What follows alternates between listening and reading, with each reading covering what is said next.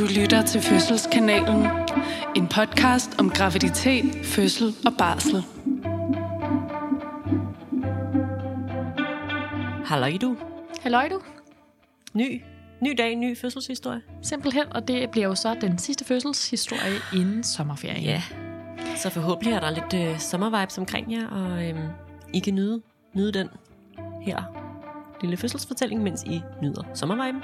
Vi sidder, som altid, i et mørkt rum, og du vil nu læse en fødselshistorie for mig. Er det rigtigt? Det er Forstået. nemlig rigtigt. Det vil jeg. Og jeg kaster mig bare ud i det. Ja.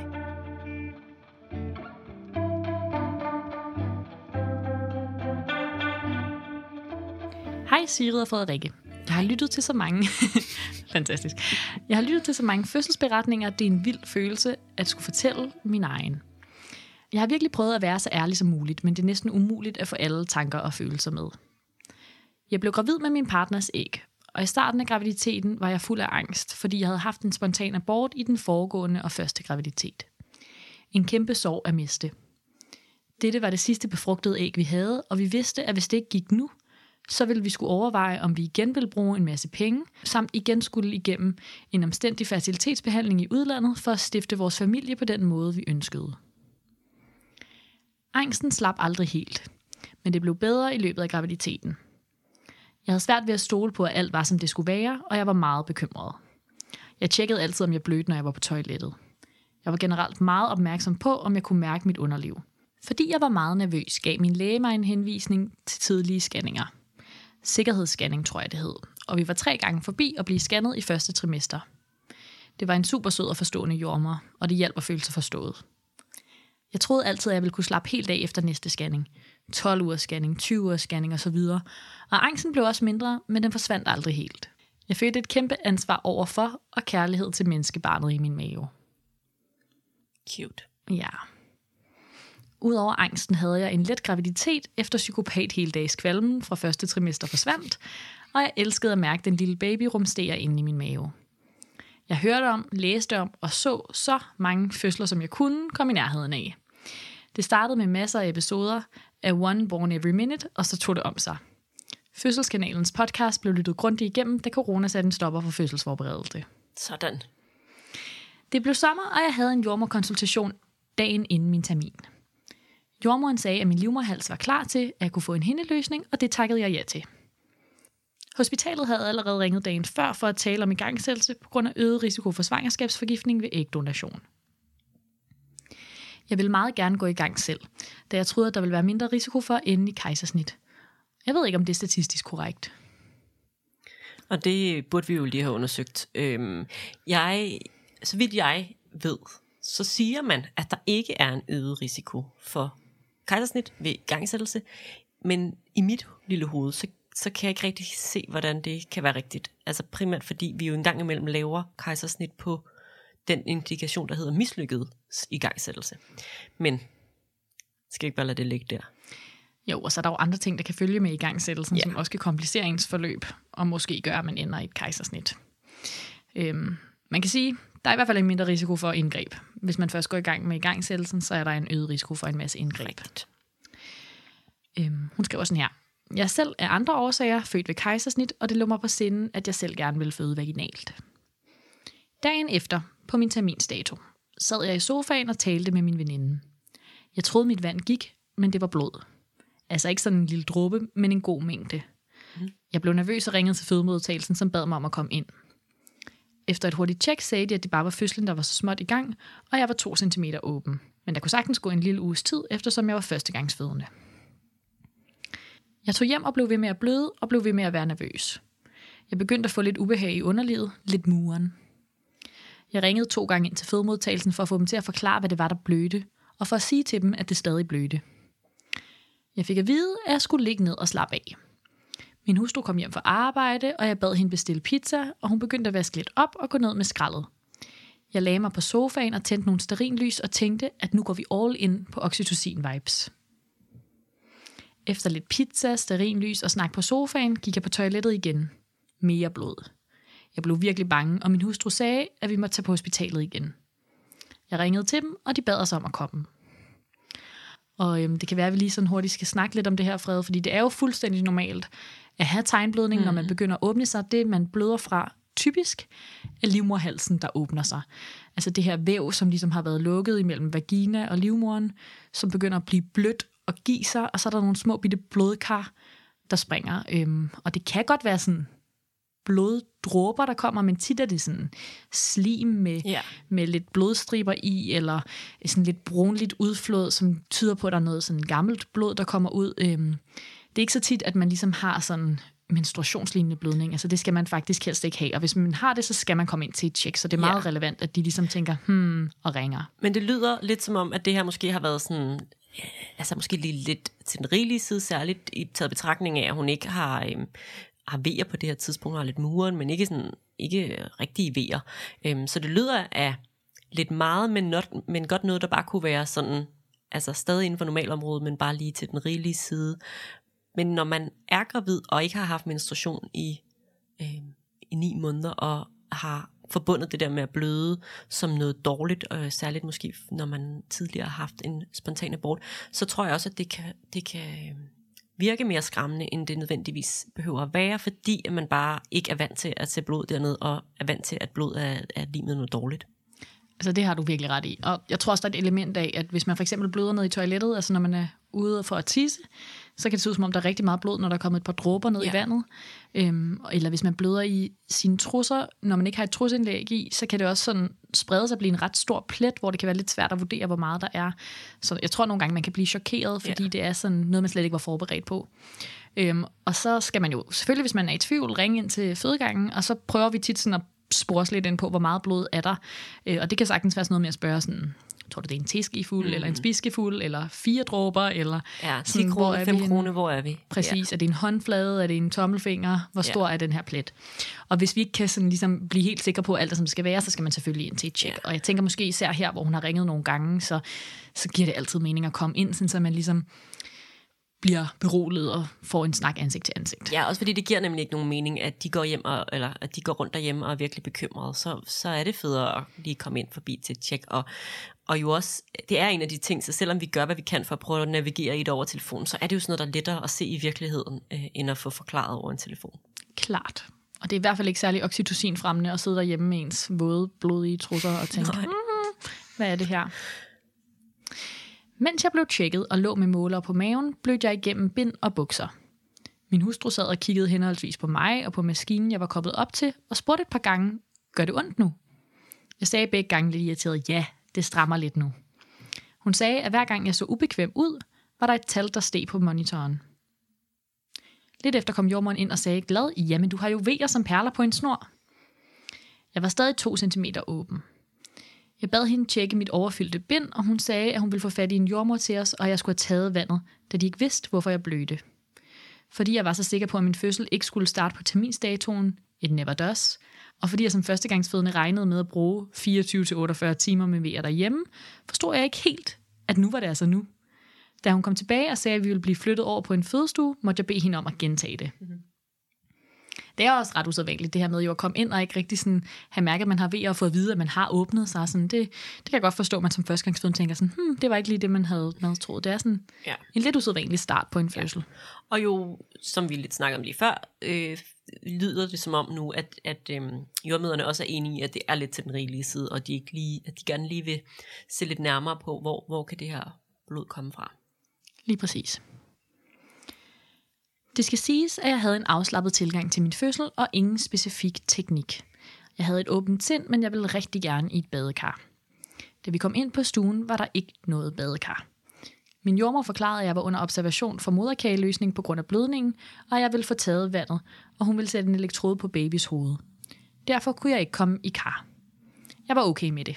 Baby's safety first. Min hustru blev sendt ud i bilen for at hente vores ting, som vi heldigvis havde taget med. Jeg fik et lavmang, og vandet blev taget lidt i 21. Nu var jeg 5 cm åben, og der kom en elektrode på babys hoved. Min vejer var forsvundet som duk for solen, men baby havde det godt. Det er jo også meget godt klaret at være blevet 5 cm uden rigtig at sådan kunne mærke så meget til det. Det er super godt klaret. Og øh, det her med moderkageløsning, altså ordet siger jo sig selv, at øh, en moderkage er jo et organ, hvor der er en hel masse blodkar. Det er der, hvor at den gravide og barnet ligesom udveksler næringsstoffer, og øhm, hvis der løsner sig et lille hjørne af den her moderkage, så kan det bløde ret meget. Så jeg tænker, det personalet tænker, det er, at det er lidt usædvanligt, at der skulle komme så meget blødning fra livmorhalsen, så nu skal vi være helt sikre på, at der ikke er et eller andet andet på spil. Og øh, når man har en CTG på, så holder man jo øje med barnets puls og med vejerne. Og hvis moderkagen løsner sig, så vil livmoren blive generet af det. Så vil man kunne se på V-mønstret, at det ser underligt ud, eller så vil man kunne se på barnets puls, som jo får sin næring fra moderkagen, at den her moderkage ikke fungerer optimalt. Så øhm, det er super relevant, det de gør, og jeg tænker i virkeligheden, at når først man har fået det overvågning på, altså ved mindre det selvfølgelig bliver en mængde blødning, hvor man tænker, at det er farligt for den fødende at miste den her mængde blod, så kan man være ret sikker på, sådan, okay, det her barn, det, det har det godt, ja. og livmoren gør sit stykke arbejde. Ikke? Ja. Men, men også en rigtig god grund til ikke at komme ned i et badekar. Altså ja. jo, både fordi, at det er svært at, at vurdere blødningen, når den kommer ud i et badekar, så, så når man gerne vil holde øje med, hvor meget blod kommer der, så giver det ikke så meget mening at være i et badekar. Og det samme jo også, hvis det lige pludselig bliver akut, og man har brug for at gå til et akut kejsersnit, så er det også lidt mere besværligt, hvis man ligger og plasker rundt ned i et badekar. Ja, det er helt rigtigt. Et godt eksempel på et, øh, en fødsel, hvor det ikke er en god idé at komme ned i et badekar. Efter en lille halv time begyndte vejerne igen, nu mere smertefulde. I løbet af ingen tid kom de kraftfulde og efter min opfattelse super irregulære vejer tilbage. De føltes som om de dobbeltpeakede, og de var der næsten konstant. Jeg manglede V-pausen. Jeg kastede op. Jeg følte, at fordi jeg ikke havde et badekar, at jeg egentlig ikke havde nogen idéer til smertelindring. Jeg prøvede lattergas, men jeg havde svært ved at bruge det i starten. Sådan gik der to timer. Jeg kunne ikke finde rytmen, og jeg blev lidt bange. Jeg troede, at jeg stadig blødte, men jeg fandt senere ud af, at det var ledningen i min skede, jeg kunne mærke. Jeg prøvede at tisse, men jeg kunne ikke slappe af og sprang næsten fra toilettet og hen på sengen, når der kom en V. Jordmoren sagde alle de ting, jeg selv tænkte med at slappe af, og at hver V betød, at vi var tættere på osv., men jeg kunne ikke være i det.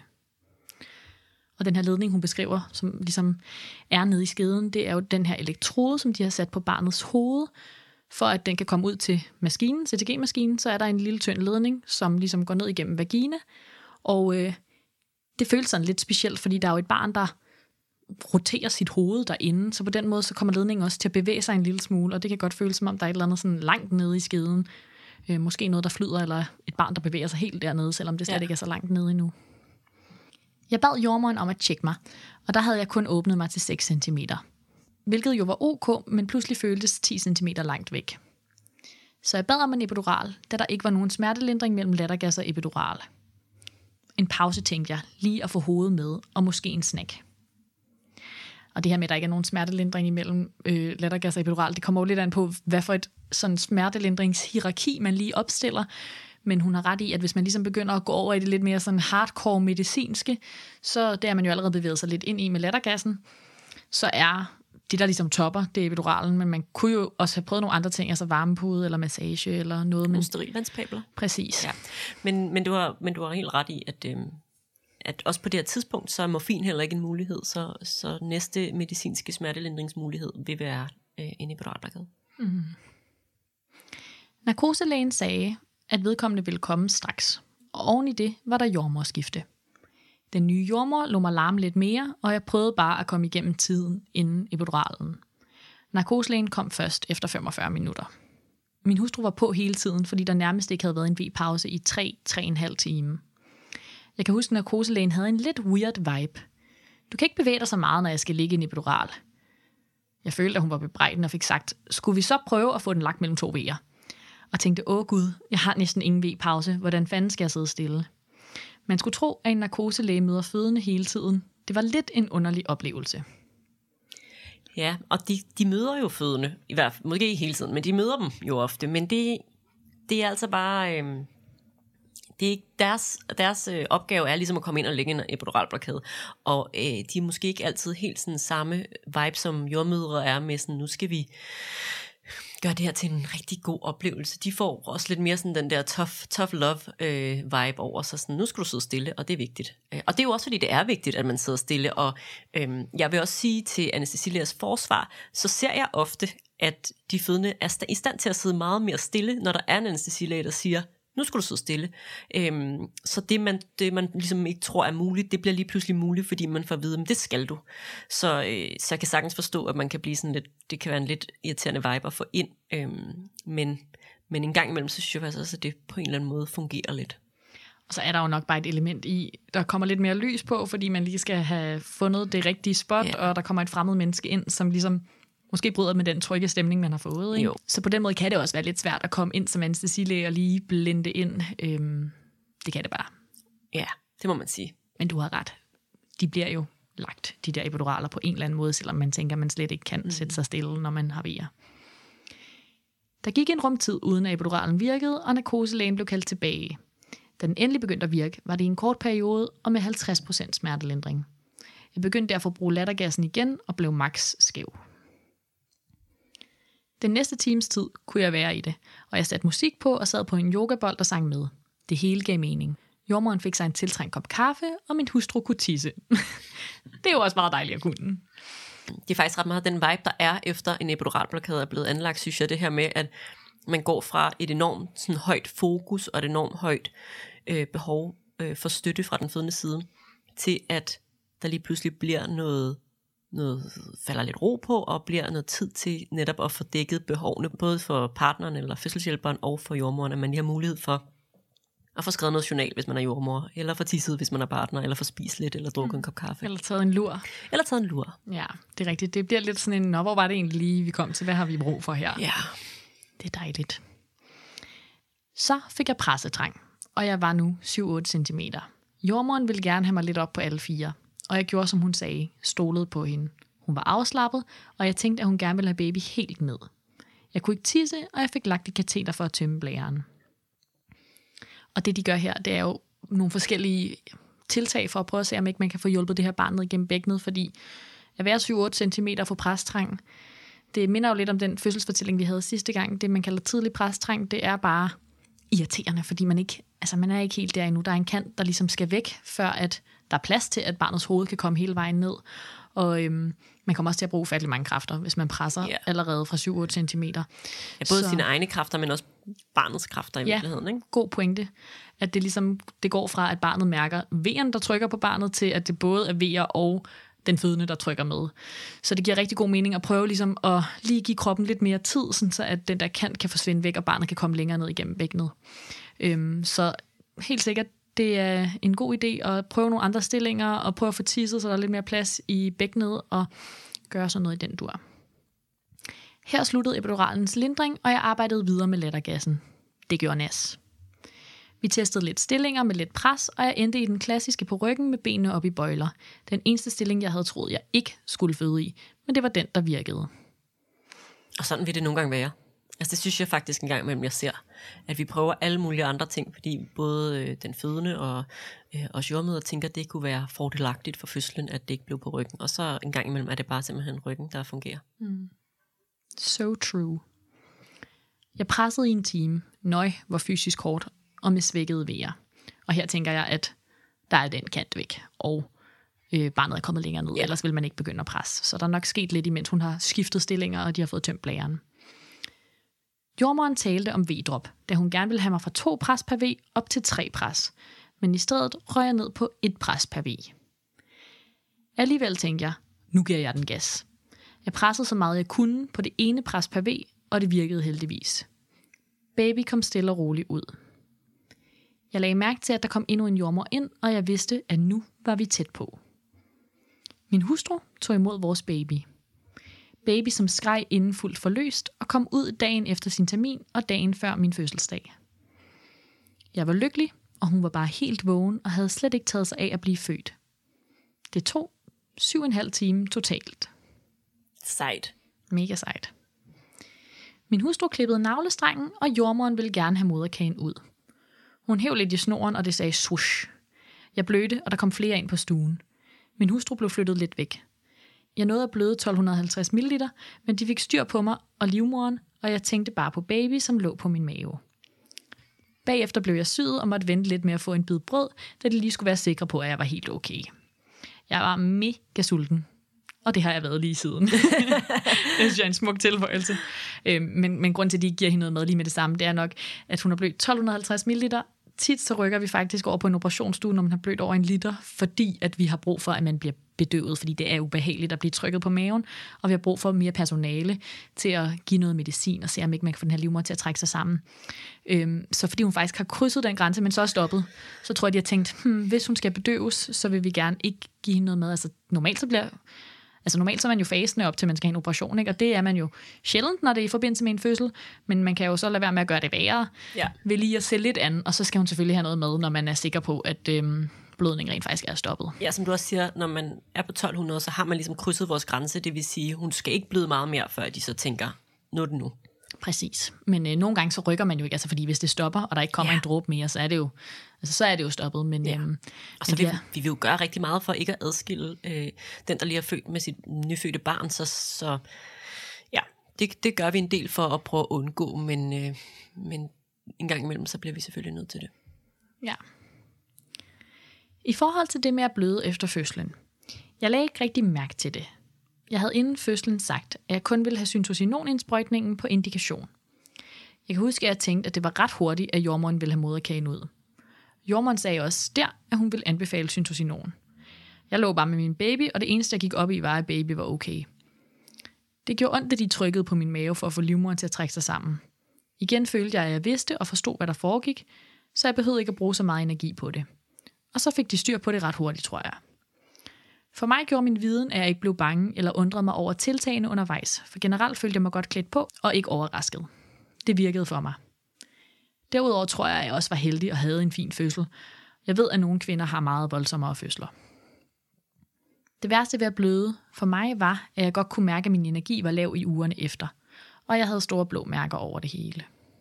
Det er jo altså, drømmen, når det kan være på den her måde. Ikke? Altså, selvfølgelig er der nogle elementer af det, der ikke er rart. Altså, at hun får det her medicin, som hun egentlig gerne vil have undgået, men lige pludselig så bliver det anbefalet lidt kraftigere, og så får hun det, og at der bliver trykket på hendes livmor, det ikke er rart.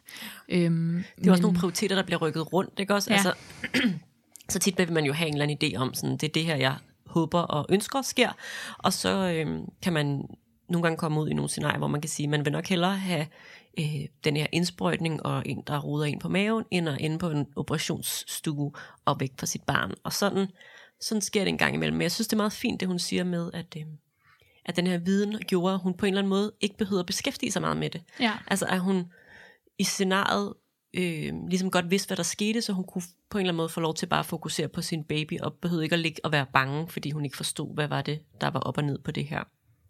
Øh, og så synes jeg virkelig, det er en vigtig pointe, det der med at være rigtig træt i tiden efter, at, øhm, at hvis man er en, der har blødt meget, og bare generelt, altså synes jeg, at når man har været igennem en fødsel, så de fleste har jo blødt noget, og øh, har også brugt en del kræfter på at komme i mål med den her fødsel, at, øhm, at det kan altså godt gøre, at man er meget træt i tiden efter, så det er vigtigt det her med at få prioriteret øh, masser af væske, masser af god mad, masser af vitaminer, øh, eller bare vitaminholdig kost, sådan så at man gør alt, hvad man kan for at få sin krop tilbage op øh, i gear, øh, og jo især fordi den også skal til at lave mælk og føde, føde, fodre et andet lille væsen. Ja. Hun har også nogle øh, refleksioner omkring, at hendes partner tog imod baby. Min hustru sagde et par gange før og i starten af graviditeten, at jeg skulle føde, og hun ville tage imod baby. Jeg havde hørt om, at partneren kunne tage imod. Så en random gang, hvor min partner siger, at hun tager imod baby, siger jeg, det skal vi da lige huske at sige til jordmoren, så hun kan skrive det i journalen. Så så min partner helt paf ud og sagde, kan man virkelig det? Jeg sagde ja. Jeg troede da, hun vidste det, siden hun hele tiden sagde det. Men det vidste hun ikke, og det var mere i overført betydning, at hun havde sagt det, da hun ikke vidste, det var en reel mulighed. På fødestuen sagde jeg det også til vores jordmor. Hvis situationen er til det, så vil min partner gerne tage imod. Og det var jordmoren glad for, at vi mindede hende om. Hun sagde, at man måske godt kan ændre mening i pressefasen, men det gjorde vi ikke. Og jeg kan huske, at da jeg mærkede, at det var tæt på, så sagde jeg, gå nu ned, så du når det. Det var meget vigtigt for mig, at hun nåede det, selvom hun også støttede mig. Jeg tror, hun holdt endnu en brækpose for mig på det tidspunkt. Vi synes begge, det var en fed oplevelse. Det var, som det skulle være. Jordmoren sagde til, og hjalp hende med at få fat. Jeg var ret øm, da vi tog hjem fra hospitalet dagen efter, men det var som om, at jeg først for alvor kunne mærke min krop, og at den havde ondt cirka tre dage efter fødslen. Og det blev jeg pludselig lidt overrasket over. Jeg havde forventet baby blues, men ikke eftervejer og smerter skulle blive værre på tredje dagen. Det tror jeg vil være lidt forskelligt, hvordan det lige er, men jeg, jeg tror da klart, der kan være et element i, at man jo er rimelig sådan høj på, på naturlige drugs, altså på øh, ja. hormoner, lige efter fødslen, øh, høj på oxytocin og, øh, og dopamin, altså så at, at man, og adrenalin for den sags skyld også, at man, øh, der vil være nogle, nogle følelser i kroppen, man ikke helt mærker på samme måde, fordi man lige svæver lidt på sådan en lidt lyserød sky, mm. og så på et eller andet tidspunkt, så, så vil man nok komme mere i kontakt med sin krop. Præcis, og altså baby blues, det er jo, når man ligesom oplever, at ens sådan, graviditetshormoner endelig forlader kroppen, og man laver sådan et stort hormonryg. Og det øhm, kan måske godt lidt hænge sammen med det, altså selvom det ikke er hendes øh, humør, der bliver påvirket, ja. så kan det jo godt være, at det gør, wow, at hun bliver meget mere opmærksom på, hvor ubehageligt hun har det i sin krop lige pludselig. Ja. Så endnu en gang, god grund til virkelig at passe på sig selv i tiden efter. Nå, men det hun har gjort her, det er, så har hun faktisk skrevet et øh, par sådan refleksioner ned her til sidst, som hun gerne vil have os til at tage op. Så Okay. øhm, det kan vi jo lige Ja. slutte af med. Nu er der gået lidt tid siden, at jeg skrev min fødselsberetning ned, og jeg har reflekteret lidt og lyttet til lidt mere Fødselskanalen podcast. Jeg har i den dybe ærligheds navn et par tilføjelser og spørgsmål. Efter fødslen var jeg lidt ked af, at jeg synes, jeg gav for hurtigt op og bad om en epidural. Selvom den var forsinket og ikke fuldt smertedækket, og i øvrigt gjorde min fødsel til en god oplevelse, så tror jeg, at det er fordi, jeg havde et håb om en fødsel uden en epidural. Jeg har det godt med min beslutning nu, men jeg vil bare være helt ærlig, fordi jeg samtidig synes, det er lidt underligt, at jeg reagerede på den måde, og jeg havde de tanker.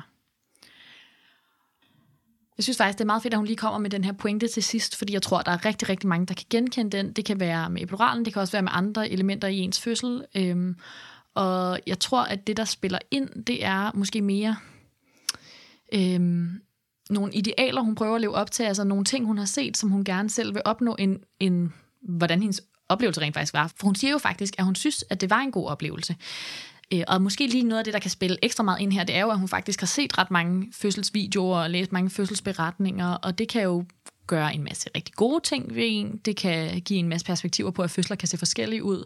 Øhm, Men nogle gange, så kan man også, altså måske især hvis man, og det kan jeg sagtens forstå, man gør, men hvis man nu for eksempel følger nogle sider på Instagram, som har nogle bestemte slags fødsler, øhm, det kommer lidt an på, hvilken type man er, men man kan jo sagtens finde nogen med sådan nogle virkelig sådan, altså fødeaktivister fra andre lande, som føder hjemme, øh, måske uden personale, eller øh, føder sådan lidt vilde steder, eller øh, har nogle principper, de gerne ligesom vil fuldføre med deres fødsel, at så kan man få sådan rø- ryge ned i sådan et rabbit hole af en slags fødsler, man gerne vil leve op til, hvor at, øh, at det både kan være sådan super empowering og give en et billede af, sådan, okay, det her eksisterer også, det kan man også, men det kan måske også godt give en en følelse af sådan, gud, hvorfor var det så egentlig ikke sådan, det var for mig, når man så har fået en epidural, selvom det var en god oplevelse.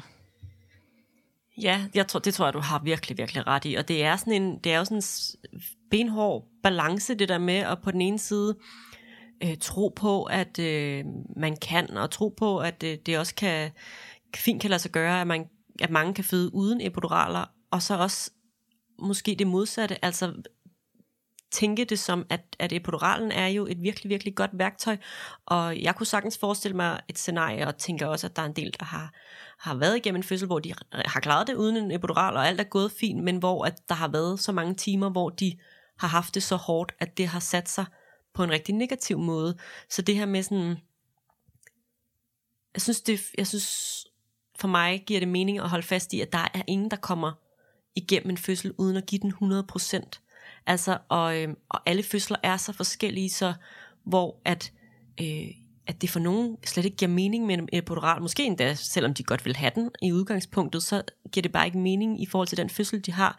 Og for andre giver det sindssygt god mening, også selvom at deres tanker indledningsvis var, at de måske gerne vil gå udenom den, fordi den rent faktisk giver dem en, en bedre oplevelse, men også øhm, måske et, en hurtigere fødsel, fordi at, øh, at man nogle gange ser, at epiduralen gør, at man lige får slappet så tilpas meget af, at, at øh, kroppen rent faktisk kan, kan speed processen en lille smule op. Altså så, så det gælder jo i høj grad om at på en eller anden måde finde ind til den der, hvor at, at det er den fødselshistorie, man ligesom har. Det er det, man, den måde, ens barn er kommet til verden på. Det er, det er den fortælling, der ligesom øh, er vejen til mødet med ens baby, og lige meget hvordan den ser ud, og lige meget hvor mange bump man har været igennem, eller hvilke udfordringer, man, har mødt undervejs, så, øh, så, det, så det er det jo det, der er historien. Det er jo det, der er det, den, det ægte i det her med at føde, at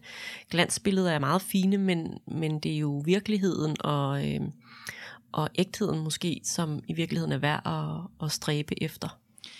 Ja, og så synes jeg virkelig, at noget af det, du sagde med, at man kan have en fødselsoplevelse, som ikke er særlig god uden en epidural, hvor man gerne vil have haft det, måske i bagklogskabens lys. På en eller anden måde ret vigtigt, at, at målet er jo at få en god oplevelse. Og jeg synes især, når man er jordmor og er med til fødsler ofte, at så, så ved man godt, at der ikke er et element, som gør en fødsel dårlig. Det er ikke sådan, så at øh, at få en epidural, eller at få en sugekop, eller at få et kejsersnit, det gør fødsler dårlige. Det er, øh, om man forstår, hvorfor man får den, om det er, virker godt timet, og som om man føler sig støttet i beslutningen omkring det, der skal ske, og, øh, og om man sådan er med på den måde, som langt hen ad vejen egentlig gør, om det er en god oplevelse. Og så den her oplevelse, som også er lidt af det, du siger, men oplevelsen af meningsfuldhed. Altså ja. at det hele på en eller anden måde giver mening i sidste ende. At det er det, der, tror jeg, for mange er øh, nøglen til en god fødselsoplevelse. Mm. Og så synes jeg da bare, at det havde været meget federe, hvis den epidural var blevet lagt det øjeblik, hun havde Ja, bedt om det, og at den havde virket 100%. helt klart. Helt klart. Øhm, så det er ikke sådan, at hvis du får en halv epidural, så er det, så er det halvt så slemt, eller sådan. Målet med en epidural, det er jo, at man virkelig har brug for noget smertelindring, mm. og vi vil gerne have, at den skal virke rigtig, rigtig godt, og Ja. det gør den heldigvis også i langt de fleste tilfælde. Øh, jeg synes, det er et fantastisk koncept, og jeg er meget glad for, at det eksisterer. Ja, ja, ja, ja. Men jeg tror også, at der er mange, der vil opleve, når det gælder deres fødsler, at, øh, at det kan tage noget tid for den at falde til på plads i en. Og det er måske også det, den lidt har gjort i hende, at det har, har taget noget tid for hende lige sådan at få reflekteret hele vejen rundt omkring den. Og det der med at lade de der tanker få lov til at få noget plads, og lige tænke lidt over, hvad, hvad, hvad var det egentlig, der skete, hvorfor skete det, og, og måske have en efterfølgelsessamtale, eller fortælle om det derhjemme, sådan, så man på en eller anden måde giver den lov til at rumstere i en, en rumtid, og så øh, giver den mulighed for at lande et godt sted ind. Og det tror jeg faktisk, det virker faktisk som om, at det har hun gjort.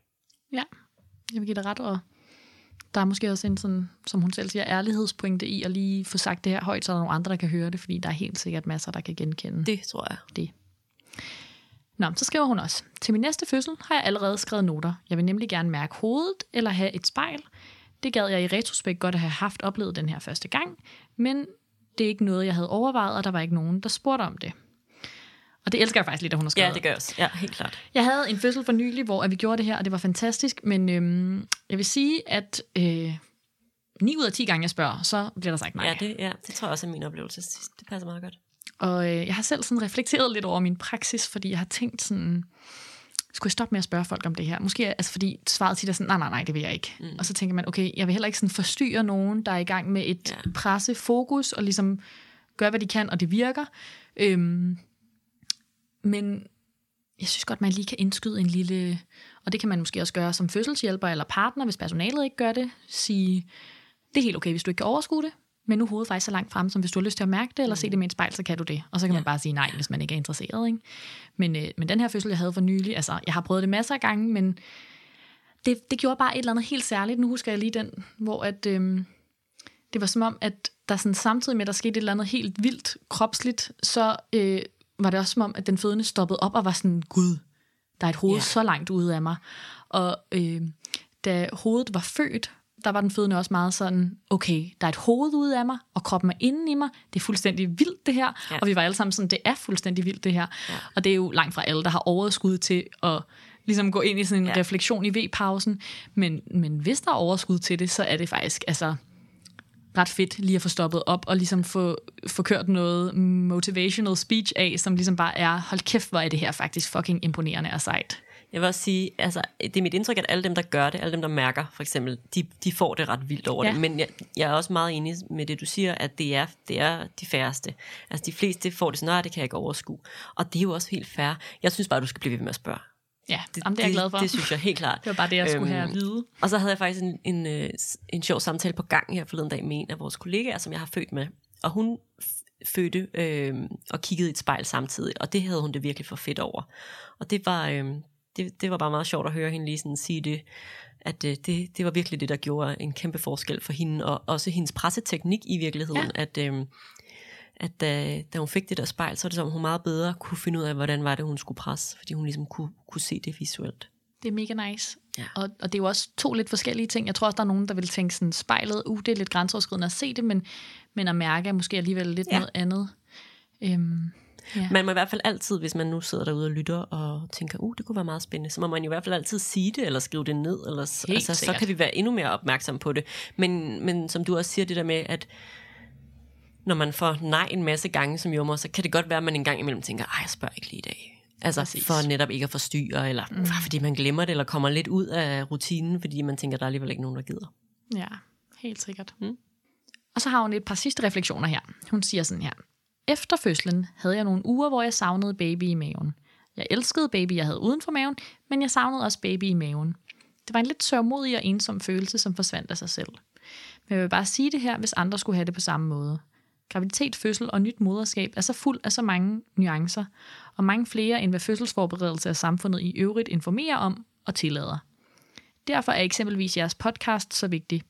Og jeg vil samme åndedrag gerne slå et slag fra Josefina Skovgårds skriv på Instagram. De har betydet meget for mig i denne proces af at blive mor. Ja, rigtig meget enig. Ja, det er et rigtig godt, godt forslag. Så opsummerer hun lige hendes følelser omkring forløbet her. Jeg er stolt over min fødsel og forundret over, at det var så anderledes, end jeg havde troet, den ville blive. Jeg troede, jeg ville være en dårlig gravid, men jeg havde en skøn graviditet. Jeg troede, det ville blive kejsersnit, men jeg fødte vaginalt. Det var fedt at være så velinformeret, blandt andet fra jeres podcast. At jeg ikke mødte noget, jeg ikke vidste, hvad var. Selv i komprimeret sindstilstand eller fødeland forstod jeg alt, hvad der skete eller blev foreslået. Og så har hun faktisk to spørgsmål mere.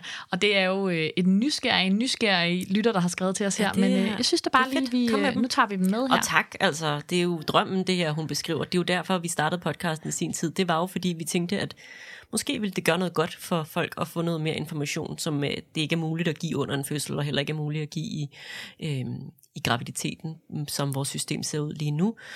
Øh, og det er jo vildt fedt, når vi på en eller anden måde får noget feedback, som tyder lidt på, at det for i hvert fald for nogen øh, har gjort den forskel, som vi ønskede, det skulle gøre. Ah, men du har så ret, Frede. Det er fantastisk. Men kom med spørgsmålene da. Afsluttende forstod jeg aldrig helt, hvorfor jeg blødte så meget i starten af fødslen, og det er det eneste, jeg tog tilbage og undrer mig over. Jeg har spurgt, men der har ikke været et klart svar. Hvad det, tænker du, Frede? Jeg tænker, det er, fordi der ikke, det ikke er et klart svar. Altså, at øh, umiddelbart vil min konklusion være, at det bare var tegnblødning, mm. men at det var til den lidt rigelige side. Og jeg forestiller mig, og det er altså fuldstændig bare, hvad, hvad min hjerne kan skrue sammen, at, øh, at man har en masse af de her små kar i livmodermunden, som jo brister, øh, når man er på vej i fødsel, øh, eller har nogle vejer.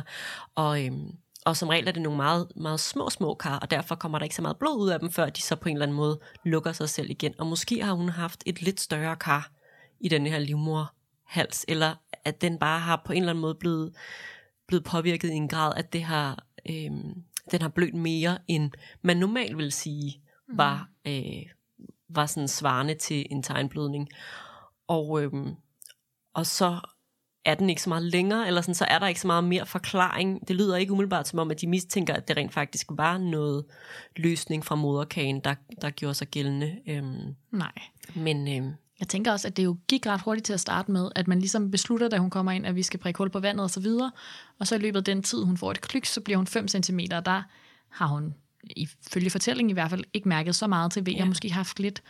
Så blive 5 cm så hurtigt, det, det kan måske også godt have gjort, at, at den tegnblødning er kommet ret hurtigt, og Ja. lidt meget af det. Ikke?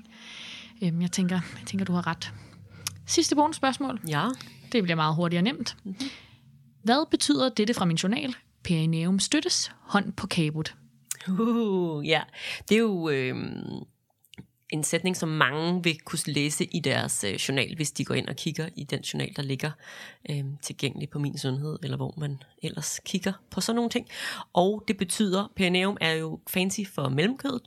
Øhm, så- Ikke latin, det er fancy. Ja. Det, også, også latin.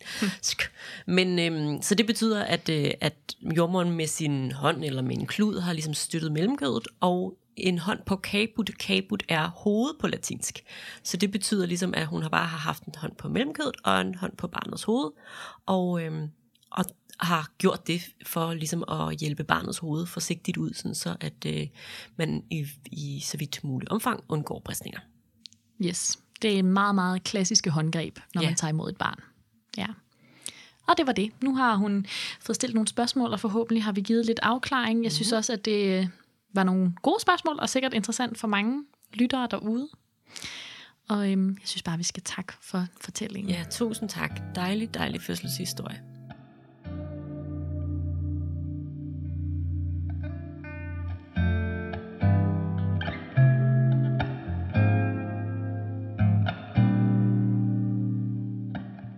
Og så kan vi jo sige, at øh, der er ikke så lang tid til, vi går på sommerferie. Der kommer lige en episode mere. Men øh, vi kommer jo stærkt tilbage, efter vi har holdt en lille sommerbreak og taget imod de børn, der altid kommer ufattelig mange af om sommeren, ja. fordi det er der, der er flest, der har termin altid. Og øh, så kommer vi tilbage med fødselsfortællinger også, og vi har været sådan lidt i tvivl. Altså, vi havde faktisk egentlig besluttet i starten af dette år, 2022, at vi måske vil udfase fødselsfortællingerne. Ja, vi havde fået en del ind, og vi tænkte, det, dem læser vi selvfølgelig, øh, eller dem laver vi selvfølgelig færdige, og, og lader dem udkomme, men så vil vi øh, stoppe derefter, fordi vi tænkte, et år med fødselshistorie, det er da også meget godt. Men så, som vi nogle gange gør, har vi ombestemt os. Og vi har også fået, vi har fået ret mange sådan, søde beskeder fra jer om, at de gør en forskel for jer. Det, det synes vi jo er vildt dejligt at høre. Og vi synes i virkeligheden også, at det er ret hyggeligt Ja. at både få og øhm, genfortælle de her fødselsfortællinger for jer. Så de får lov til at køre videre. Det gør de, og, og det På kan også være, ubestemt præcis, og måske vi i den sammenhæng også lige skal kort fortælle om hele udvalgelsesprocessen, som der har været. Altid meget forvirring omkring, og det kan vi godt forstå, fordi vi har aldrig nogensinde sådan ægte meldt noget ud, men det der skete, det var, at da vi besluttede os for at lave fødselsfortællinger, så skrev vi ud, og så fik vi rigtig, rigtig, rigtig, rigtig, Ej, men rigtig altså, mange helt historier. ekstremt mange historier. Og øh, nogle af de historier, vi sidder og læser højt nu, er fra 2020. Så vi har ligesom øh, haft en meget stor mur, at vi tager ikke imod noget mm. i lang tid. Øhm, og vi har også et øh, lille dokument, hvor vi har gemt nogle navne på nogle af jer, der har skrevet. Jeg ved ikke, om det her er tilladt i forhold til GDPR, men bare navne. Måske endda bare Instagram-navne eller Facebook-navne. Ja. Øhm, og øh, den liste er også ufattelig fattelig lang. Så jeg tror måske bare, det vi kan sige, det er, at man kan ikke, der, der er ikke sådan en ægte model. Man kan ikke bare Nej. sådan nødvendigvis skrive til os, og så være sikker på, at historien kommer ud, og det vil vi egentlig ønske, vi kunne, fordi at hele målet med fødselsberetningskonceptet, det er, at man kan se, hvor mange, altså ufattelig mange forskellige måder, fødsler kan se ud. Men altså, vi har jo simpelthen bare ikke tid. Nej, og, øhm, og jeg tror heller ikke helt, vi har fundet ud af, hvad vi kommer til at gøre fremadrettet. For nu Det er rigtigt, der var sige- ingen konklusion på det der. Nej, nu er vi ved at være kommet i, i mål med alle dem, vi har fået tilsendt, som vi har, øh, altså, hvor vi har lavet en aftale med jer om, at I skriver jeres fødselsfortælling og sender den til os. Dem har vi, dem er vi øh, faktisk kommet i mål med nu. Så nu skal vi finde ud af, hvad gør vi fremadrettet. Og der har vi ikke helt besluttet os øh, for det. Så, øh, så det, øh, det, får, det vil tiden vise, hvad vi lige gør, om vi skriver ud til nogle af jer og beder jer ja. om at øh, sende dem ind, eller ja, Men I har ikke misset et eller andet nej. indsendingsside. Øh, side. nej, overhovedet ikke. det eksisterer ikke rigtigt. Nej, Det er et mysterium. ja. Ja. Men, Men, Men bare så I ved det, så øhm, fødselsfortællingerne øh, består indtil videre på ubestemt tid, så øh, det giver jo glæde jer til at øh, skulle høre lidt mere til, til ja. efteråret. Præcis. I må have det godt derude ja. så længe.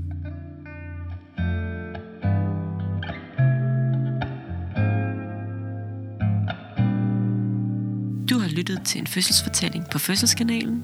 Vi er dine værter Sigrid Arnbjerg. og Frederikke Dørfler.